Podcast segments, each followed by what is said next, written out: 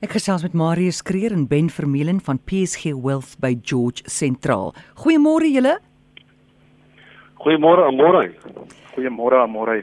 Goed, ons gaan vandag gesels oor die rol van trusts in boedelbeplanning en daarna praat ons oor 'n paar praktiese probleme wat in die praktyk ervaar word. So kom ons kyk nou eers oor die rol van trust in boedelbeplanning.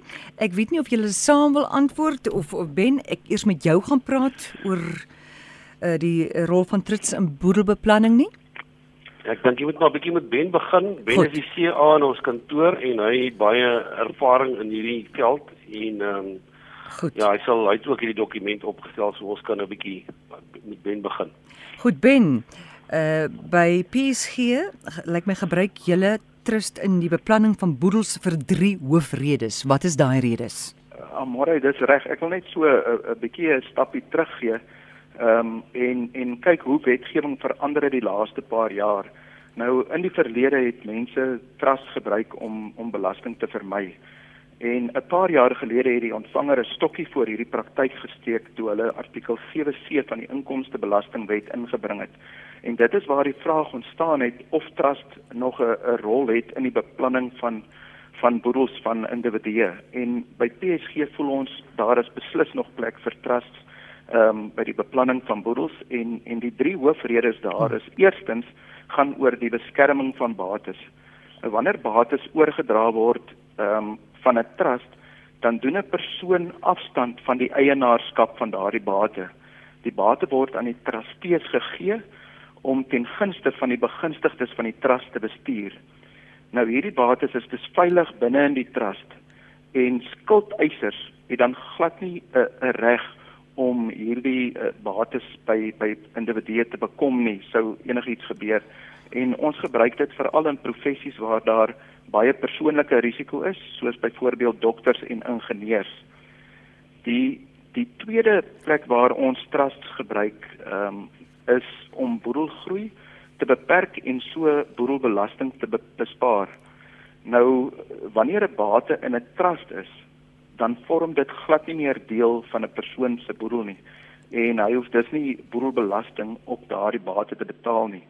'n Boedelbelasting in Suid-Afrika beloop 20% bo 3.5 miljoen rand. Soos wanneer 'n persoon byvoorbeeld 'n boedel het van uh, meer as 3.5 miljoen rand, sou hy 20% boedelbelasting betaal het en as daardie bates nou binne in 'n trust is, is die boedelbelasting niks.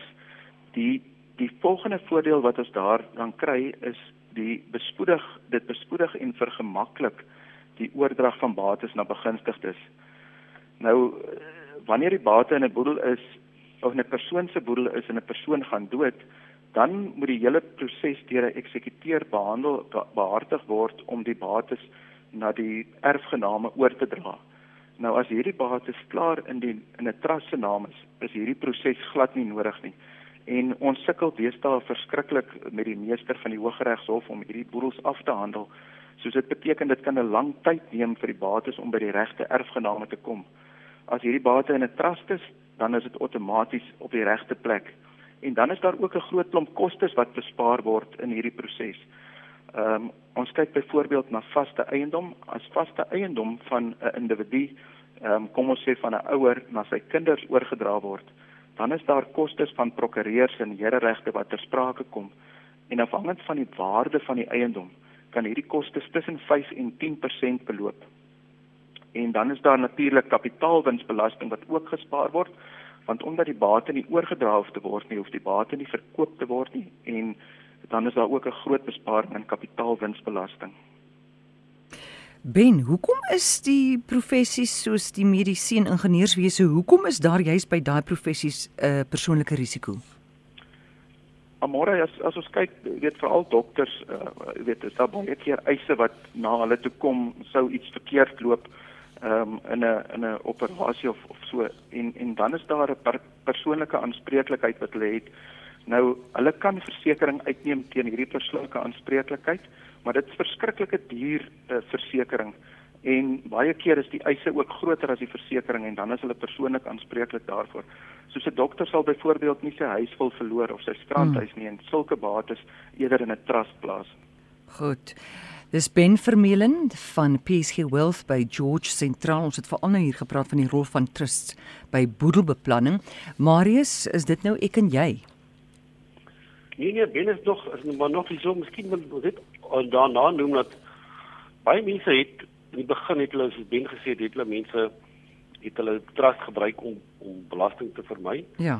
Uh wat wat hulle nie kan meer kan doen nie, maar wat wel nog bestaan is die gelykbuis beginsel. Met ander woorde, indien ek 'n trust het wat in beginsigtes het, kapitaal en inkomste beginsigtes, byvoorbeeld dit kan my vrou wees of my kinders en my kleinkinders, kan ek nou as daar belasting betaalbaar is binne kan die trust, het dit inkomstebelasting of kapitaalwinsbelasting is, kan ek dit afwentel na hulle. Met ander woorde, ek kan sê, maar weet jy, ek het vyf kinders wat nog glad nie werk nie en klein kinders. Mm.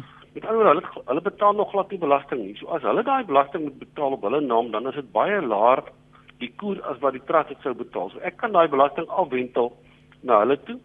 So ek kan nog altyd die belastingvoordeel kry, maar dis nie hoekom mense trust oprig nie. Maar gelukkig is daai gelykbybeginsel nog nie weggeneem deur die deur die deur die ontvanger of deur die regering nie. So dit bestaan nog en ek kan dit dan gebruik om om 'n belaar belastingkoers te kry op belasting wat betaalbaar is binne kan die binne kan die trust. Maar ek dink die rede hoekom ons hierdie program vandag ehm um, het is omdat ons in ons kantoor hanteer ons boedels, ons doen boedels handel handel boedels af.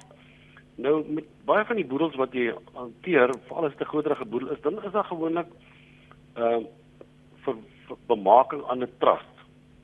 En daai ek dink of sien die idee van die of die bedoeling van hierdie goed is altyd baie goed geweest, maar die praktyk is daar 'n klomp probleme en ek dink dit ons wil 'n bietjie daaroor praat vanoggend dat mense hierdie goed miskien kan identifiseer as hulle nou op die oomblik reeds 'n trust het of 'n trust wil opstel. Ehm um, want hierdie goed veroorsaak nie 'n probleem vir 'n maand of twee nie. Die begunstigdes moet met die trustee saamlewe solank hulle lewe of tot die trust ontbind word. En as daar nie 'n as hierdie goed nie reg hanteer as in die begin nie, dan ontstaan daar baie konflik en baie probleme en gewoonlik baie pyn in families. Goed, Marius, ek sal byvoorbeeld wil weet, kan 'n trust se bepalinge die testament se bepalinge vervang? Nee, die twee entiteite is heeltemal apart van mekaar. Al wat kan gebeur is daar kan van die boedel se bates vererf word na die trust toe. Maar die, jy kan nie vir die trust 'n opdrag gee om goedes te gaan doen wat nie in ooreenstemming is met jou testament nie. Die, die, die goed moet eintlik saam opgestel word dat jy seker maak die goed is gesinkroniseer met mekaar. Met ander woorde, uh, dit wat ek graag wil hê wat moet gebeur in my boedel met ander ek kan byvoorbeeld 'n voorbeeld neem. Kom sê ek het 'n kind wat 'n spesiale behoefte het en ek voel net ek wil seker maak hierdie kind word nou omgesien. Nou gaan ek in my boedel of ek gaan 'n trust stig voor die tyd wat interviewers trust, maar ek kan 'n testamentêre trust via my my boedels my testament skep. En ek gaan in hierdie trust sê hierdie geld is spesiaal vir hierdie kind en ek stel mense aan as trustees wat moet gaan omsien na hierdie kind. Uh maar ek kan nie my dan gaan die dan gaan die bate oor na die trust toe en die trustees is verantwoordelik daarvoor maar hulle kan nie goed gaan doen wat ek nie in my boedel gesê het nie. Hulle kan nie ander geld uit van die boedel nie. Hulle kan nie daai geld wat die bates wat hulle het in die trust, kan het hulle beheer oor. So hmm. die die twee entiteite is dieselfde en die trust se bepalinge kan nooit die bepalinge van 'n testament vervang nie. Byvoorbeeld as die trust as die persoon sê alles gaan trust toe in sy boedel, maar hy's binne gemeenskap goedere getroud dit kan nie gebeur nie want binne gemeenskap van goede beteken sy vrou besit reeds 50% van die boedel. So hy kan nie alles bemaak aan die trust nie.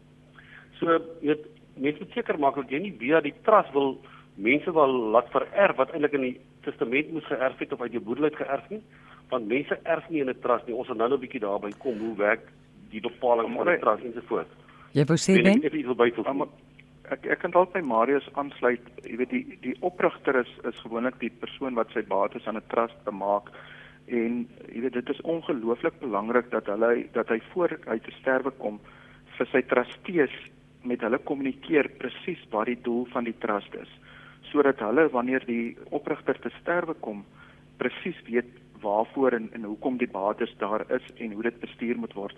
Want ons kry baie keer dat dat die trustees weet nie wat die doel van die oprigter van die trust was nie want die oprigter het altyd maar net gehandel soos hy wou en en soos hierdie kommunikasie tussen die oprigter en trustees is mm. baie belangrik solank as wat die oprigter nog leef. Goed, nou wat is die mag en verantwoordelikheid van die trustees van 'n trust? Die die Engelse beskrywing, ek gaan dit nou maar in Engels lees, maar ek het ongelukkig nie 'n vertaling daarvan. Ek het nou die wet voor my. Daar staan die trustees moet optree met care, diligence and skill required. Met ander woorde, jy kan nie iemand gaan aanstel as 'n trustee wat nie die basiese vaardighede het om ten minste te kyk en seker te maak die bates word wat daar wat daar is word beskerming nie. Uh daai mense moet omsigtig omgaan met die bates.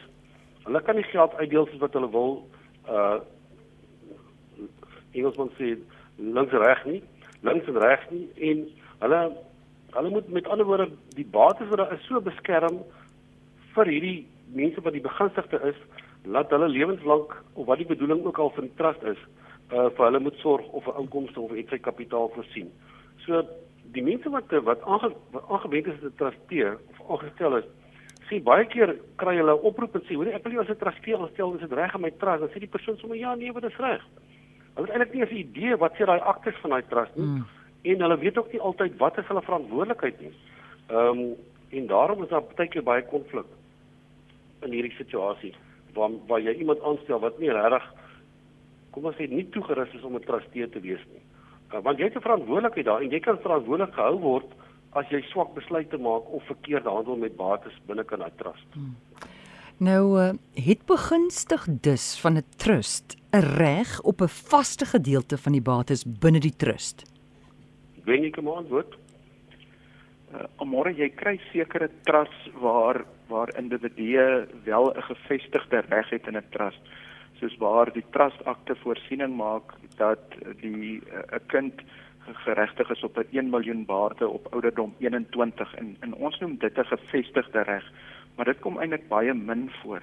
Die meeste van ons trusts in Suid-Afrika in ons kantoor is diskresionêre trusts en dit gee vir die dis, dit gee vir die trustees eintlik 'n diskresie om die bates te handel of met die bates te handel soos hulle wil. Dit is met die inkomste en die kapitaal soos hmm. soos die die begunstigde het nie 'n uh, 'n reg in hierdie diskresionêre trusts nie.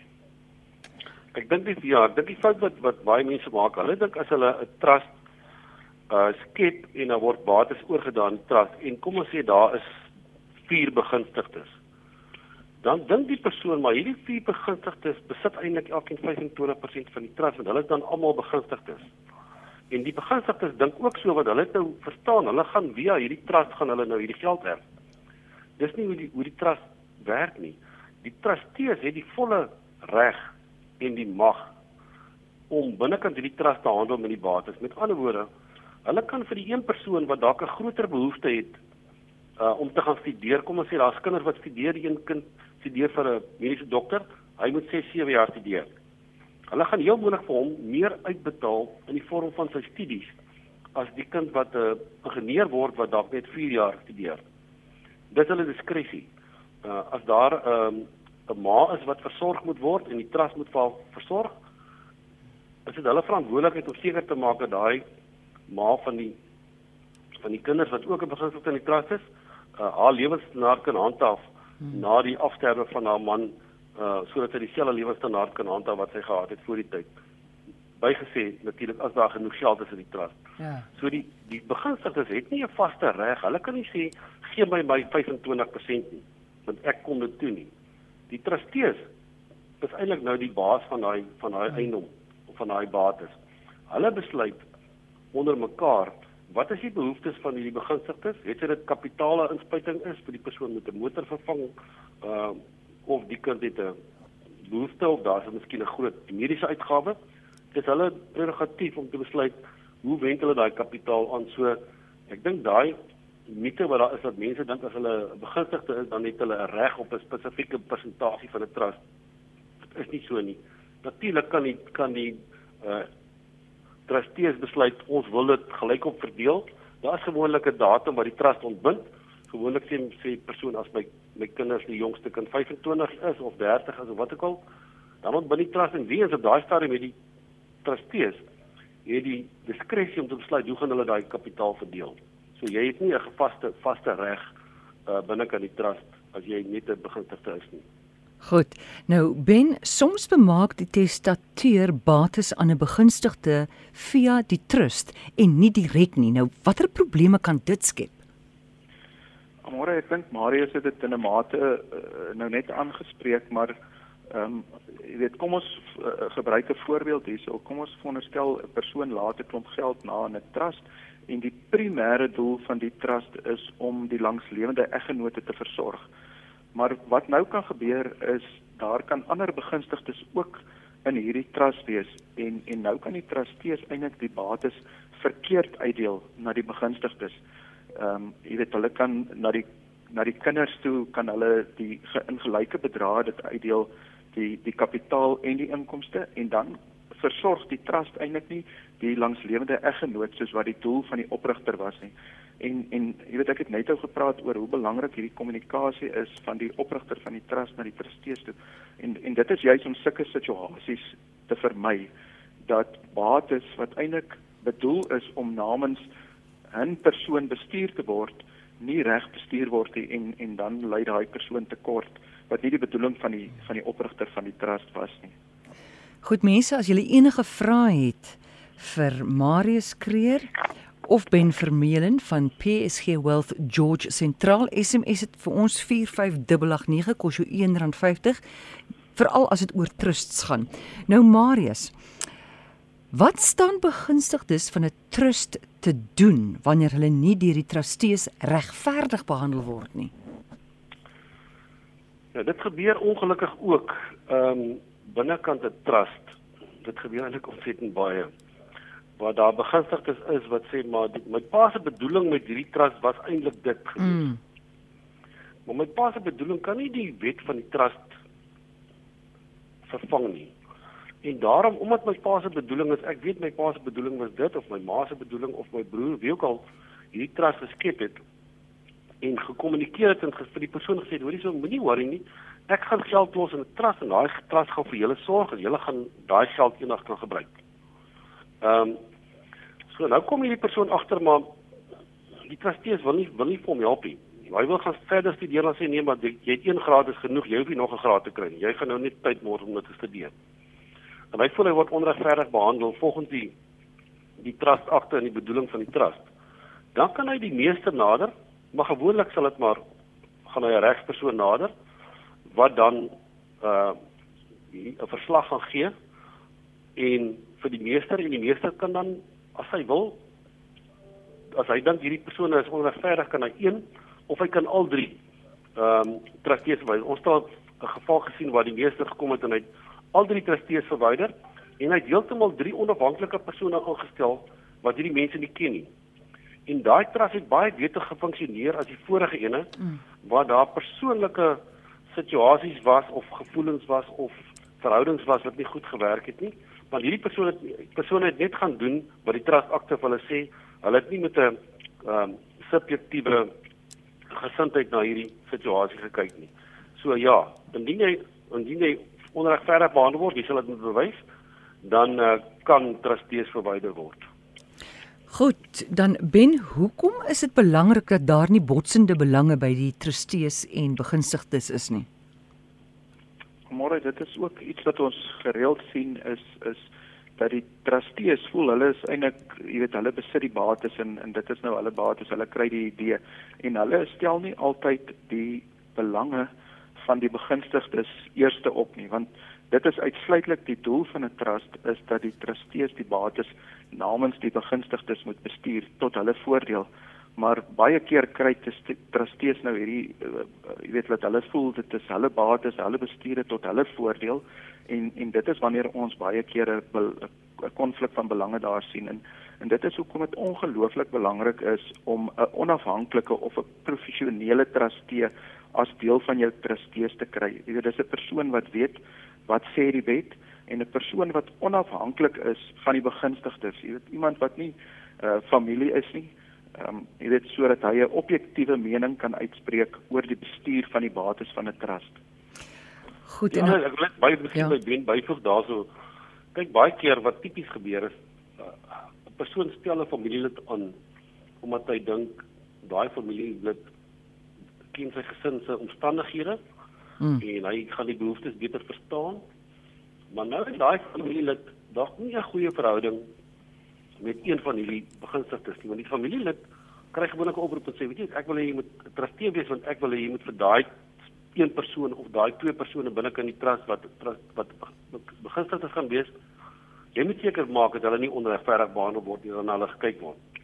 So wat is daai persoon se fokus? Daai persoon se fokus is net ek wil daai twee persone kyk, wat is wat my dis wat my suster of my broer of my gewees of wat ek al of vriende wat ek al gevra het.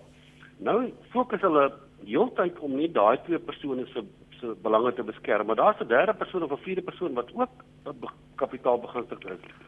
Wat nou later voel maar ek kan nou niks regkry nie, wat lyk my hulle wil vir my niks gee nie, maar hulle wil hier ander ander twee of ander drie persone alles gee. En dan daar botsende belange en ek meen daai goed moet jy voor die tyd uitsorteer. Ongelukkig as jy met nou te sterwe gekom het, dan is dit te laat. Dan sit hierdie begunstigdes en hierdie trustees lewenslank in 'n geveg betrokke en daar is net heeltyd probleme. So ek dink dis baie belangrik dat 'n mens weet daar moet 'n goeie verhouding wees tussen die trustees en die mense wat kapitaal begunstig is want daar gaan baie skakeling wees en daar gaan baie konflik wees want die trustees kan besluit ons dink nie hierdie vrou het nou so 'n kar nodig sy kan mos nou net met 'n ander goedkoper karretjie of sy kan nie hoekom moet sy net so uit as sy kan 'n goedkoper huis kry. So en sy gaan voel maar ek het dis wat ek gehad het voor ek getroud is. Ek in die wet sê eintlik 'n vrou kan haar lewestandaard handhaaf. Sy kan uit in die boedel insit as sy nie regverdig behandel word daarso nie. So ek dink dis dis belangrik dat Ben wat Ben gesê dat 'n mens voor jou afsterwe moet jy vir jou kinders en jou vrou baie duidelik verstaan hoe werk 'n trust? Hoe gaan hierdie trust werk as ek nie hier is nie? Watter bates gaan daar aan wees watter gedeelte gaan uiteindelik vererf of wat gaan oorbly na al die behoeftes voorsien is en hoe gaan dit vererf en wanneer gaan dit vererf? Maar as mense nou in hierdie situasie kom en hulle het hierdie verwagting wat eintlik van die testament afkom dat ek moet nou hierdie erf en ek moet daai erf en ek gaan dit op daai stadium kry en nou kry ek nie dan is daar eintlik baie konflik. Lida wil weet uh, wat doen jy as jy voel die trust word nie reg bestuur nie? En ek het nou net gepraat oor die oor die oor die trustees. As jy voel 'n trust word nie reg bestuur nie, hmm. natuurlik die trustees uh as een van hulle byvoorbeeld sou insolvent word, dan gaan hulle outomaties verwyder word as 'n trustee. As daar iets is wat hulle gedoen het wat jy kan bewys wat onregmatig is, dan kan hulle sal hulle verwyder word. Maar as jy voel hulle is net eenvoudig onregverdig, dan kan jy aansoek doen om dit te laat of die spesifieke trustee of trustees kan verwyder word. So, jy kan aansoek doen en jy sal moet gaan bewys vir die meester dat uh, hierdie persone nie regverdig is en volgens die trust akte en die bedoeling van die trust optree nie. Goed en iemand anders wil weet hoe word nuwe begunstigdes soos kleinkinders tot 'n bestaande trust bygevoeg? Kyk, by die oprigting kan jy byvoorbeeld sê ek het byvoorbeeld gesê my kinders en hulle afstammelinge. So met ander as daar 'n nuwe kind gebore is, hoef ek hom nie te noem in my trust nie. Hy is okay. outomaties as ek net bewys 'n afstammeling dan is hy outomaties uh, 'n begunstigde kapitaal of 'n inkomste begunstigde in die trust. Goed. Môre wat ek ook kan sê is die trust akte as hy voorsiening daarvoor maak, kan 'n trust akte gewysig word, ehm um, jy weet om addisionele begunstigdes ook by te sit. Partykeer het het uh, uh die kinders het hulle eie trust en die kinders se trust moet ook begunstigdes van die ouers se trust wees. Dan dan kan die trust gewysig word by die meester van die Hooggeregshof om die die begunstigdes te verander. Jakob wil weet is trustees geregtig op vergoeding? Ja, amore trustees is geregtig op vergoeding en gewoonlik word dit vooraf met hulle bepaal dis of gewoonlik 'n persentasie van die inkomste van die trust. Ehm um, of dis 'n vaste fooi wat met hulle onderhandel word uh, voor hulle die trusteeskap aanvaar. Maar hulle is hulle is geregtig want hulle vat 'n klomp verantwoordelikheid om om hierdie bates te bestuur en as hulle dit verkeerd bestuur, dan kan hulle in hulle persoonlike hoedanigheid ook aanspreeklik wees vir eise. Hmm. Laaste vraag, wat gebeur wanneer twee uit die trustees oorlede is en die derde trustee medies ongeskik is? Hoe word nuwe trustees aangestel? Môre gewoonlik maak die die trust akte daarvoor voorsiening om te sê hoe word nuwe trustees uh, gekies En in hierdie geval klink dit vir my wel uh, hopelik voor die laaste persoon nou nie meer 'n trustee kan wees nie, het hulle klaar ander persone aangestel. Mm. Ander kan nie anders kan die begunstigdes of die meester van die Hooggeregshof kan dan trustees aanstel om die bates namens die begunstigdes te bestuur. Sjoe, lyk my trusts is maar so kompleks soos wat mense verhoudings is. Daarom het jy mense soos Ben en Marius vandag nodig. Kontak hulle, hulle is altyd van PSG Wealth. George Sentraal. Waar kan mense julle in die hande kry? Uh, môre, hulle kan ons skakel by ehm um, 0861 348 190. Hulle kan ook 'n e-pos stuur vir my marius.kreer by psg.co.za. Ons het ook 'n regspersoon in ons kantoor wat moontlik kan help met navrae as mense navrae het. Ehm um, ja, ons daar om vir ons te kontak. Kan ons gou weer dat telefoonnommer kry asseblief? 0861 348 190 of my hm. e-pos is marius.kreer by psg.co.za. Kontak hulle sommer nou. Baie dankie julle twee.